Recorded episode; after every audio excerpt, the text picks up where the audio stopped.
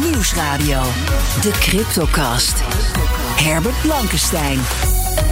Welkom bij de CryptoCast. Deze week de Bitcoinprijs moest weer eens flink terug. Bitcoin is officieel geïntroduceerd als wettig betaalmiddel in El Salvador. Wat zijn eigenlijk de eerste ervaringen? En eh, de Europese Commissie overweegt een nieuw register voor eigendommen en vermogen tot sieraden aan toe. Dit is aflevering 185 van de CryptoCast. We zitten nu op de zender bij BNR. Klein half uur crypto nieuws. Daarna gaan we verder als podcast en kun je zelf kiezen of je met ons meegaat, ja of nee. Ik heb uh, als gast Simon Lelyveld, deskundige op het gebied van financiële regelgeving. Hartelijk welkom. Dankjewel. En mijn co-host is vandaag Paul Buitink, directeur bij Onexum. Hallo. Hallo. Goed, uh, wij geven geen beleggingsadvies. Um, en we beginnen gewoon met nieuws. Bijvoorbeeld El Salvador. Um, betalen bij McDonald's en Starbucks met Lightning. Dat is daar tegenwoordig gewoon mogelijk, want ze moeten dat accepteren. De bevolking is nog wel wat onwennig. Er zijn wat protesten zo hier en daar. Paul, je hebt het ongetwijfeld gevolgd. Vind jij het een succes tot nu toe? Nou, ik volg het met, met heel veel interesse. En met name ook uh, jongens zoals Bart Mol en Aro van Weerdem... die echt uh, daar aanwezig zijn om het ja, allemaal te testen. Die hangen daar rond op de stranden. Hè? Super gaaf. Hamburgers kopend. En hamburgers kopend en alles, alles testen. Dus enerzijds vind ik het heel mooi dat het nu kan daar. Anderzijds heb ik constant het gevoel van... oké, okay, maar het wordt eigenlijk wel een beetje... soms tegen de zin van de bevolking in doorheen gedrukt. met wat dictatoriale trekjes. En dat, dat staat nog steeds erg tegen. Maar het is wel gaaf om te zien dat mensen nu over de hele wereld...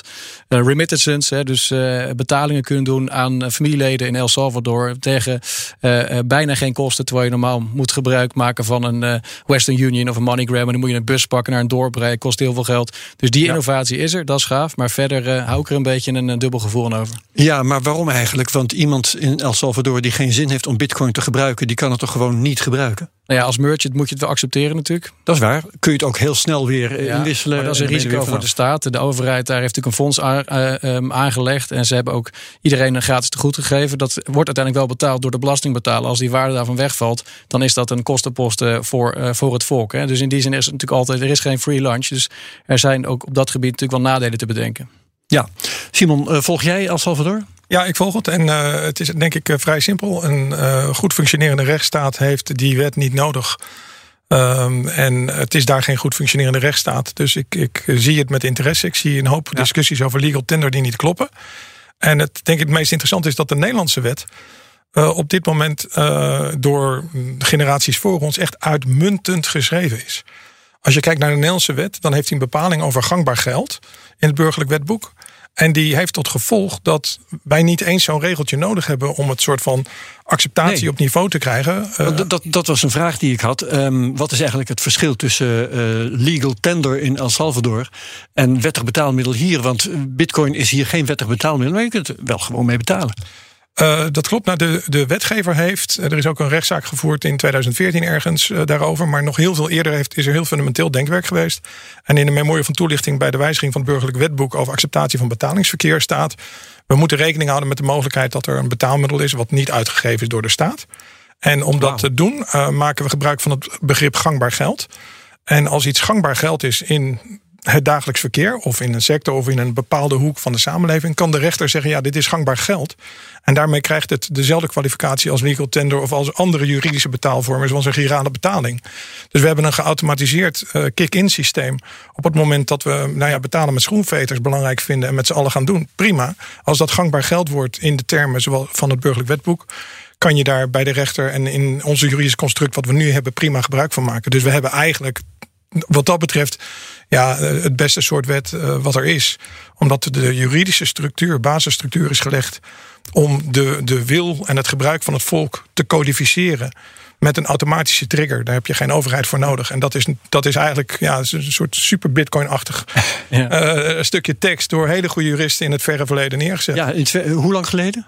Nou, ik, uh, ik weet dat ik mijn intelligentie uit een proefschrift van Rank heb, die uh, wat ook alweer 20 of 30 jaar oud is. Ja, maar uh, um, volgens mij. Dus dat wordt wel eens gezegd: wet, een wet moet technologie neutraal geschreven dat is, dat, dat, is precies, en dat is wel eens heel moeilijk, want je weet nooit wanneer wat je denkt dat technologie neutraal is, opeens toch technologie um, niet neutraal blijkt te zijn. Maar in dit geval is het misschien min of meer per ongeluk wel gelukt. Nee, ja, dat, dat geneuzel over technologie neutraal van die bitcoin, Oh, oh, sorry. daar word ik allemaal zo moe van. ja, kom op zeg. Oplichting. Ja, nou, ja, nee, er is plotseling een mobiele telefoon. Nee, ik ben niet opgelicht, want het is een mobiele telefoon. Ja, kom op mensen. Kom op nou toch. Die wet, er zijn gewoon goede juristen in Nederland die schrijven goede wetten. En je hebt voor de wet echt niet... Natuurlijk heb je uitdagingen soms op stukken techniek en hoe interpreteer je iets. Maar oplichting is oplichting of je dat nou met eh, pen en papier doet of met een mobiele telefoon. Dus dat technologie neutraal... Dan ben je bij mij aan het verkeerde adres. Dit is juridisch een heel mooi construct wat we hebben in Nederland. En daar mogen we echt trots op Nou, het zijn. is mooi Los dat van je alle over- andere dingen. Mooi dat je over oplichting begint. Het is misschien ook geen toeval, want eh, gisteren in eh, Radar, eh, voor mensen die dit als podcast beluisteren, want dat kan ook, gisteren was maandagavond, ging het over pump-and-dump trucs met nutteloze crypto-coins. En de vraag was, wat doe je daartegen? Nou was daar als gast in de studio onder andere Mahir Alkaya, Tweede Kamerlid van de SP. En die stelde dat op dit gebied de toezichthouders eigenlijk hun taak verzuimen. Nou, dan komen we even bij de eh, Autoriteit Financiële Markten. Ja. Wij hebben ze gebeld en ook met de Nederlandse Bank. En beide zeggen ons dat crypto's niet onder hun toezicht vallen en dat ze niets kunnen doen. Bizar hè? Want ook de autoriteit Consumentenmarkt die verwijst dan waarschijnlijk naar deze instellingen. Het is nog een, een sector eh, die in ontwikkeling is. En dat zie je dus heel erg terug. De wet financieel toezicht die biedt wel degelijk mogelijkheden om te handhaven als die instellingen dat zouden willen. Maar dan Maar voor moet. handhaving heb je eerst regelgeving nodig. Ja, en we hebben een wet financieel toezicht. Juist, dat is Mahir Alkaya. Ehm, kunnen toezichthouders tegen dit soort eh, oplichting, Simon, eh, nu wel of niet Ja, iets prima. doen? Artikel 3.5 van de WFT. Oké, dat is meteen duidelijk. Ja, ja, zoek het er even bij. Kijk, Waarom eh, doen ze het dan niet? Eh, je, dat, dat moet je aan hen vragen. Wat ik zie Ja. is dat ze de publieke discussie vermijden met foutieve statements over de toepasselijkheid van toezicht. Want als je 2,4 miljoen euro aan toezichtkosten in rekening gaat brengen aan de cryptosector, die daar heel veel pijn van heeft, en tegelijkertijd aan Radar vertelt dat er geen toezicht is, dan is er een enige discrepantie tussen de realiteit en de kennelijke voorlichting aan Radar. Eh, dat is toch echt aan DNB om daar eens na te gaan wat daar, eh, wat daar gezegd wordt en hoe consistent dat is. Ik, Ja. De WFT biedt meer dan voldoende aangrijpingspunten als je vanaf 2014 alarm eh, bellen doet afgaan over het risico van crypto. Is voor mij onduidelijk dat je. eh, ik heb op een gegeven moment de Kunstdepositobank bijgestaan. of de Kunstreservebank bijgestaan. Want die hadden boze brieven van DNB gehad. omdat ze het woordje bank hadden gebruikt voor een kunstproject. Ja, ik vind prima. eh, als je er bovenop zit op grond van artikel 3.5, een aantal van dat soort regels in de wet financieel toezicht, dan heb je dus alle tools om te handhaven. En ja, het, het, is, het is mij ook een raadsel. Ik, eh, ik, eh, ik, ik, zie een discrepantie en ik heb daar mijn vragen bij. Ja, ja, je zit in de edele metalen, Paul. Heb jij met dit soort zaken eigenlijk te maken? Nou ja, zeker. Wij zijn ook een eh, branche die, die, eh, die gereguleerd wordt. Strenger, denk ik, eh, in, in zekere zin dan, eh, dan een aantal partijen in de crypto-branche. Wij eh, doen aan allerlei, eh, vo- voldoen aan allerlei voorschriften. Met name ten aanzien van onze opslagactiviteiten. Daar hebben we een vergunning voor. En dan moeten we zorgen dat het allemaal netjes klopt. Maar ik ben het met, eh, met Simon eens. Ik denk dat de tools er zijn. eh, Maar dat eh, de, de wetgever eh, nalaat, of de overheid nalaat om ze te gebruiken. Ik vond het overigens wel een hele goede uitzending hoor. Ja. Eh, eh, chapeau en complimenten voor Radar. Ja, En ja, maar hier eens. Alkaya natuurlijk een sterke bijdrage ook. En een goed onderscheid tussen bitcoin enerzijds en, en veel eh, shitcoins zoals eh, Mahir zei anderzijds. Ja, waarbij ik me afvroeg trouwens, hoe zou je eh, juridisch dat verschil kunnen, dat eh, onderscheid kunnen maken Dat tussen is heel bitcoin? lastig, want ja, eigenlijk precies. kun je natuurlijk eh, Dogecoin zou je kunnen zien als een hele lange opgerekte pump en dump. Het zou kunnen zijn dat op een gegeven moment Elon Musk, om maar een voorbeeld te noemen, besluit er volledig afscheid van te nemen. En dan heeft hij het gewoon helemaal opgerekt. Dus Ja. hoe, hoe, hoe eh, omschrijf je of definieer je precies een pump en dump? En hoe definieer je een shitcoin? Dat, dat, dat zullen hele interessante eh, ehm, eh, rechtszaken worden nog dan in de toekomst. Ja, precies. Ehm, daar was ook Paul Koster trouwens, directeur van de Vereniging van Effectenbezitters. En die zei over eh, pump-en-dump schema's en het toezicht het volgende. Er is een registratieplicht, dat is zeker zo. Alleen de Nederlandse bank die dan een aantal partijen heeft geregistreerd, eh, ont- ondervindt vrij veel moeilijkheden bij de rechter. Om dan op een bepaald moment te zeggen: dit is een partij die wij eigenlijk niet willen toelaten. Dus ik denk dat de toezichthouders hier echt naar de politiek kijken. Die zullen veel meer moeten gaan regelen om de toezichthouder in staat te stellen in te grijpen. De bewering is dus eigenlijk, ehm, er, zijn partijen die eh, niet geregistreerd zijn, wel geregistreerd willen worden. En de Nederlandse bank kan eigenlijk niet tegenhouden dat ze gere- geregistreerd worden. Simon, klopt dat? Nou, eh, iedereen weet dat ik bij Bitonic betrokken ben. En ik denk dat het goed is om de heer Costa tegen zichzelf in bescherming te nemen. En dat ik hier verder geen uitspraak over doe. Doe maar. Ja, ik, eh, het, heeft, het is een veel te complex onderwerp om op, op, korte radio uit, eh, uit te geven. Eh, dit impliceert dat de partij die voor de rechter stond eigenlijk de registratie niet had kunnen krijgen. Um, en dat, dat vind ik een onheuse uitspraak van iemand die eerder al te kennen heeft gegeven in het interview de WFT niet te kennen. Dus ja, weet je, als je artikel 3.5 van de WFT niet weet te vinden. Ja. Um, ik moet er niet meer over zeggen dan dit. Ik word er boos over. Ik vind het treurig. Ik vind het jammer dat er een, een zo niet informatieve onheuse bejegening uh, plaatsvindt. Oké, okay, en als er zo'n pump-and-dump schema is, even los van, van wel of niet geregistreerd en, en uh, of, of dat tegen te houden valt. Um, kan een burger gewoon daar aangifte van doen? Dat is toch het simpelste wat er uiteraard, is. Ja, uiteraard. Ja, Dat is uh, niet moeilijk. Ja. Oké, okay, um, we gaan naar de prijsanalyse. Dat is oplichting. ja, oplichting ja, daar, heb je, daar heb je die registratiediscussie verder niet voor nodig. We gaan het over de prijzen hebben. Daar hebben we elke week Bert Slachter voor, analist bij de digitale nieuwsbrief Bitcoin Alpha. Bert, hallo. Goedemorgen. We hadden een uh, flinke dip in de prijs tijdens Bitcoin Day, alweer uh, uh, net een week geleden. ik snap dat niet, want de bedoeling, dacht ik, was dat het experiment in El Salvador extra aandacht en extra vraag zou opleveren voor Bitcoin. waarom gaat dan opeens de, die prijs naar beneden? Ja, dat is een goede vraag. Zeker het eerste stukje van 52.000 naar 50.000. Dat had gewoon te maken, denk ik, ook met uh, uh, ja, wat mensen die verkochten. Er zijn wat grote orders ook te zien geweest. Maar het tweede gedeelte van die daling, het gedeelte wat ook echt heel snel ging. Naar 43.000, hè? Ja, ja, en dat is, dat is het laatste stukje van 46 naar 43 was echt vijf minuten of zo. Ja, je zag daar echt een, een typische long squeeze. Um, als je long bent als investeerder of als belegger, dan verwacht je dat de prijzen gaan stijgen. Zo heb je dan je positie ingenomen. En als de markt dan toch een stuk gaat dalen, dan sluiten die mensen, die handelaars, hun posities. Soms vrijwillig, soms noodgedwongen. En dat laatste zie je vooral bij hefboomhandelaars. Die handelen dan met geleend geld. En dat is wat vorige week gebeurde. Um, en het punt is dan, als die posities worden gesloten, dan betekent dat dat er ook weer bitcoin wordt verkocht. Wat de prijs weer verder omlaag brengt. En dat brengt weer nieuwe mensen in de problemen. Ja, je krijgt eigenlijk een waterval, een kettingreactie enzovoort. Op die manier is er in een uur tijd voor 4 miljard dollar aan hefboomposities gesloten. Ja, dus dat is echt wat er op die dag aan de hand was. En dat zie je dan heel snel gebeuren. En dan heeft bitcoin, in tegenstelling tot aandelenbeurzen, geen uh, circuit breakers of zo, dat, dat ze de handel stilleggen. Ja, dat gaat gewoon door totdat de markt dat weer geabsorbeerd heeft. En dat gebeurde uiteindelijk ook al vrij snel. En de koers zit nu alweer een paar dagen rond de 45.000 dollar. Um, hetzelfde niveau als het grootste gedeelte van augustus. Dus wat dat betreft ook niet zo heel dramatisch eigenlijk. Um, en wat we nu zien gebeuren is dat er een divergentie, een verschil ontstaat tussen de koers en heel veel andere data die we hebben. Het aantal nieuwe bitcoiners is nog steeds uh, op, eigenlijk op een hoogtepunt. Uh, bestaande bitcoiners zijn nog steeds netto bitcoin aan het verzamelen. Ook overigens miners. En miners worden wel gezien als een belangrijke aanwijzing, omdat die natuurlijk heel professioneel zijn en heel veel belang hebben bij, bij, bij uh, verstandig handelen in die markt. En ook die verkopen hun bitcoin niet.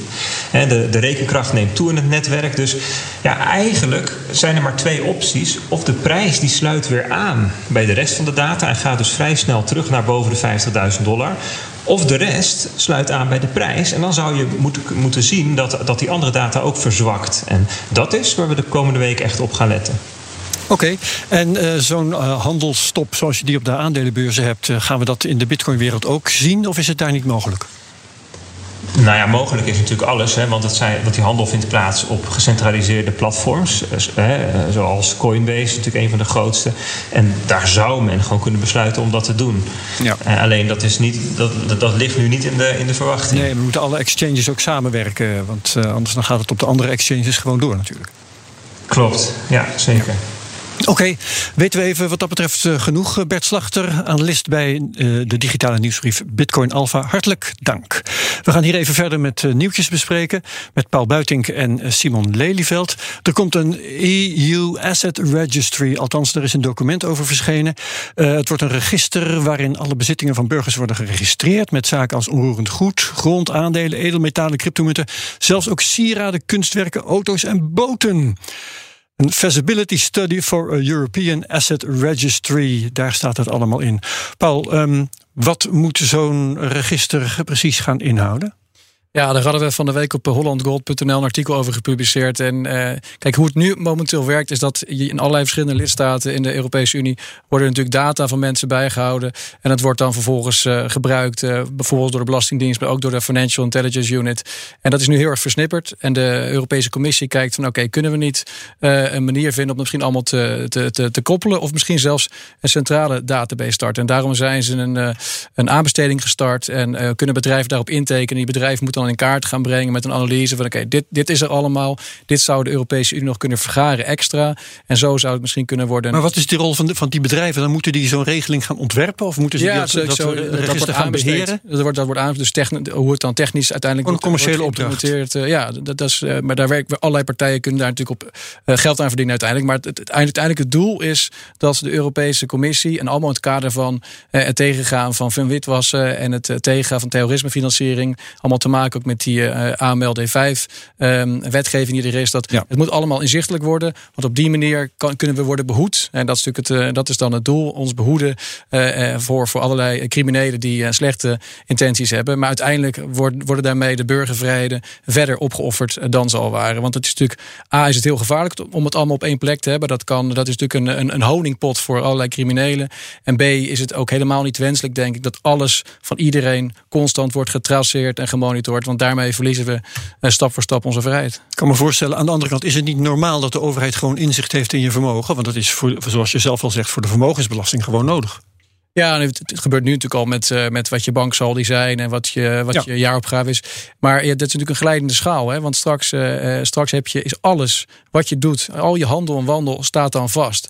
En dat is, A, is dat gevaarlijk voor als, er, als, daar, als daar een lek plaatsvindt, of het wordt gestolen, of wordt, wordt tegen je gebruikt, of een crimineel kan, het, kan je daarmee uh, natuurlijk ook bedreigen. Maar ook is het helemaal niet wenselijk, denk ik, dat de overheid precies weet wat je doet. Want het kan ook, het kan zijn dat je dan misschien een aantal dingen doet die niet passen binnen een politieke agenda. En vervolgens word je misschien wel uitgesloten. En dat is ook, daar gaan we het straks nog over hebben, over financiële inclusiviteit. Ja, in de voortzetting op ja. de podcast.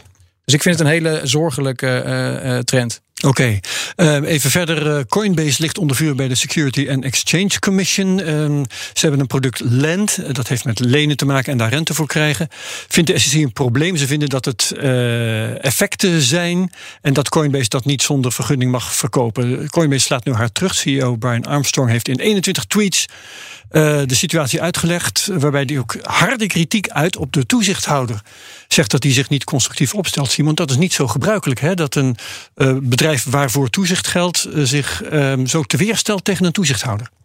Ja, ik heb het, uh, de, de blog van de compliance officer gelezen en de volgtijdelijke stappen gezien die gezet zijn in de discussie met de SEC. Compliance officer bij Coinbase. Bij Coinbase, ja. want de tweetstream was aan de ene kant een verhaal over, goh, we proberen in contact te zijn met de SEC over hoe we dit kunnen doen. En tegelijkertijd de opmerking van, maar let wel, er zijn naast ons allerlei andere partijen die volstrekt niet gehandhaafd exact hetzelfde doen.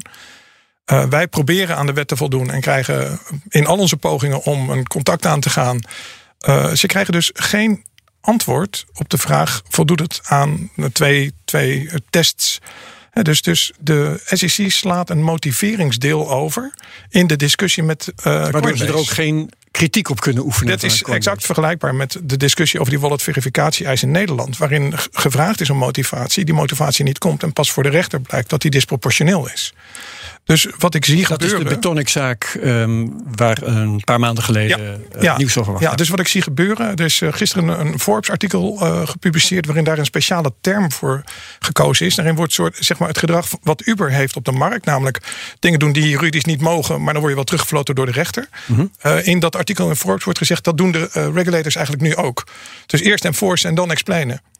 Um, en die trend is eigenlijk een trend die je zichtbaar ziet worden. En die eigenlijk ook in de FATF uh, guidances en, en uh, consultatiedocumenten terug te vinden is. Van gebruik het moment van productintroductie maar en marktintroductie om marktpartijen klem te zetten. En dan kun je daarna nog wel eens ouwe horen of het klopt, ja of nee. En dat dus is een nieuwe trend. Hardball tactiek van de toezichthouders. Ja, en, en ik plaats uh, de, de communicatie van Coinbase in dat kader. En ook in het licht van het feit dat inderdaad de concurrenten uit andere werelddelen gewoon gierend van het lachen voorbij gaan. Terwijl Coinbase iets niet mag, is, is dat, waar, ja, dat waar het om, om gaat. Namelijk gewoon een eerlijke concurrentie. En ja, waarom zou je in die situatie als toezichthouder de partij die het goed probeert te doen klem zetten. Ja, want terwijl, je, terwijl je de partij die het falikant fout doet, eh, gewoon laat lopen. Dat, dat is zijn verontwaardiging. Van dat kan toch niet waar zijn. We kunnen toch wel een gesprek hebben. En ik, ik herken dat in die zin. eh, ehm, eh, ja, dat er een soort verharding is in de relatie toezichthouder en, en sectoren die mogelijk eh,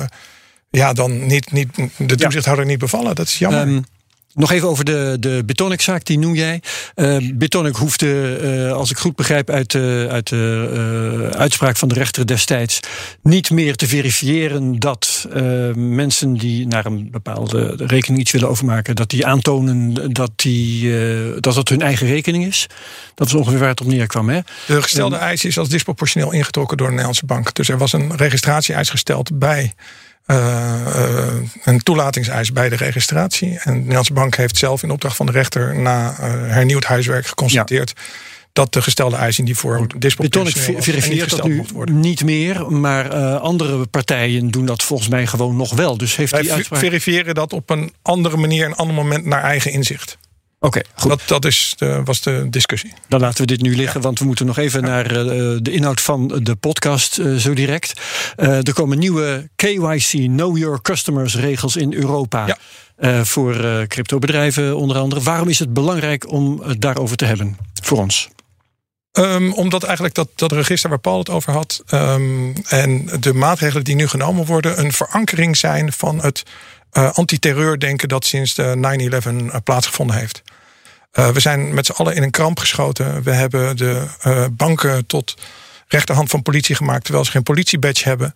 We zijn dat in 20 jaar normaal gaan vinden... dat er gesnuffeld wordt in betaalopdrachten... en gecontroleerd wordt op risico's. En we verharden daarmee, uh, we, we, verbreken de verbinding die in een samenleving bestaat. We verharden daarmee de samenleving tot een surveillance staat. En het is heel raar dat we dat normaal zijn gaan vinden. En als je die stukken van de commissie leest... dan zeggen ze het voldoet aan de GDPR... bij de analyse over mensenrechten. Ja. ja. Hebben ze een klein dingetje vergeten... Europese Verdrag van de Rechten van de Mens wat veel hoger weegt en zwaarder weegt dan. Uh, Welk mensenrecht is hier in het geding? Uh, het mensenrecht, uh, de privacy, je beschikkingsrecht over je eigen weten, jezelf disclosen wat je privé-situatie is aan andere mensen. En het recht om onschuldig te zijn totdat je schuldig bent. En de hele regelgeving is geënt op het principe: je bent per definitie schuldig en je moet aantonen dat je onschuldig bent. En dat zijn twee kernprincipes waar de Europese Data Protection Board al van gezegd heeft. Uh, beste, beste vrienden van de afdeling witwasbestrijding in, uh, in Europa. Dat gaat zo niet werken. En als jullie echt niet luisteren naar onze adviezen over deze regelgeving, dan gaan wij gewoon zelf als privacy toezichthouders er een stok in steken. Ik uh, zie jou knikken, Paul Buitink. Ja, Jij bent het hiermee eens. Ik ben het helemaal eens met Simon. En ik denk dat het een heel urgent onderwerp is. En ik ben blij dat we dat vandaag kunnen bespreken met elkaar. Oké, tot zover de Cryptocast op BNR. Dank aan gasten Simon Lelyveld en co-host Paul Buitink. Wel even de hoedanigheden correct hebben. We zetten het gesprek zo direct voort in de podcast. Wie meegaat, heel graag tot straks. Wie afhaakt, hartelijk dank. En graag tot de volgende week bij de Cryptocast op BNR.